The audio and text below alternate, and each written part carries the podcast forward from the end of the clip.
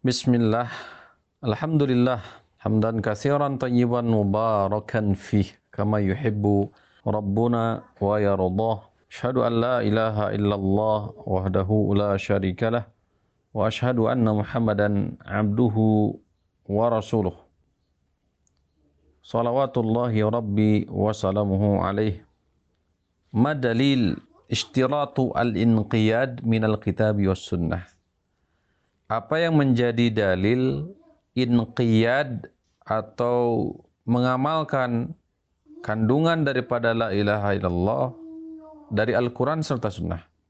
Apa yang menjadi dasar dari Al-Quran serta sunnah bahwasanya al-inqiyad yaitu mengamalkan kandungan dari dua kalimat syahadat atau syahadat la ilaha illallah merupakan syarat la ilaha illallah. Wal jawab adapun jawabannya Qala Allah Ta'ala Allah Subhanahu wa taala berfirman dalam Quran surah Luqman ayat 22 Wa may yuslim wajhahu ila Allah wa huwa muhsinun faqad istamsaka bil urwatil wusqa. Barang siapa yang berserah diri menyerahkan wajahnya kepada Allah wa huwa muhsinun disertai dengan amal soleh, disertai dengan amal kebajikan, maka sungguh dia telah berpegang teguh dengan tali yang sangat kuat.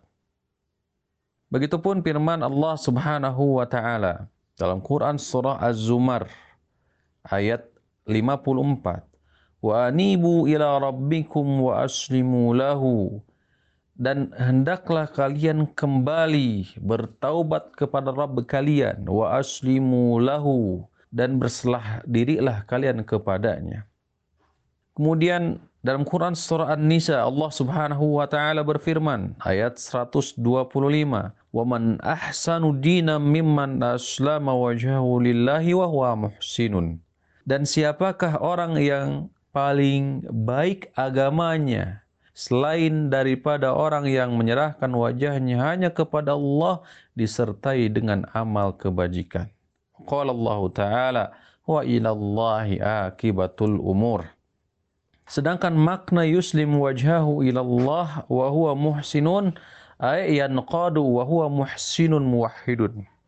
Wa tamamul inqiyadi dan sempurnanya amal kebajikan adalah taqdimu maha billahi wa in khalafatil hawa yaitu dengan mengedepankan apa yang dicintai oleh Allah walaupun bertolak belakang dengan hawa nafsunya.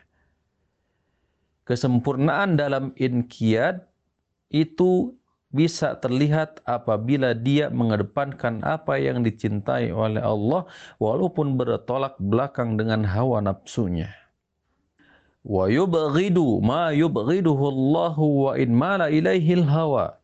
Begitupun dia membenci sesuatu yang justru Allah membencinya walaupun hakikatnya hawa nafsunya justru lebih cenderung kepadanya. Nabi Shallallahu Alaihi Wasallam walaupun diperselisihkan dari sisi kesahihan terhadap hadis tersebut, hadis Abdullah ibnu Amr bin As radhiyallahu taala anhuma mengatakan dalam kitab As-Sunnah di antaranya, La yu'minu ahadukum hatta yakuna hawahu taba'an lima ji'tu bihi. Tidaklah sempurna keimanan salah seorang daripada kalian sehingga hawa nafsunya mengikuti apa yang aku telah bawa dengannya. Demikian semoga bermanfaat li walakum wa sallallahu ala nabina Muhammadin wa ala alihi wa wasallam.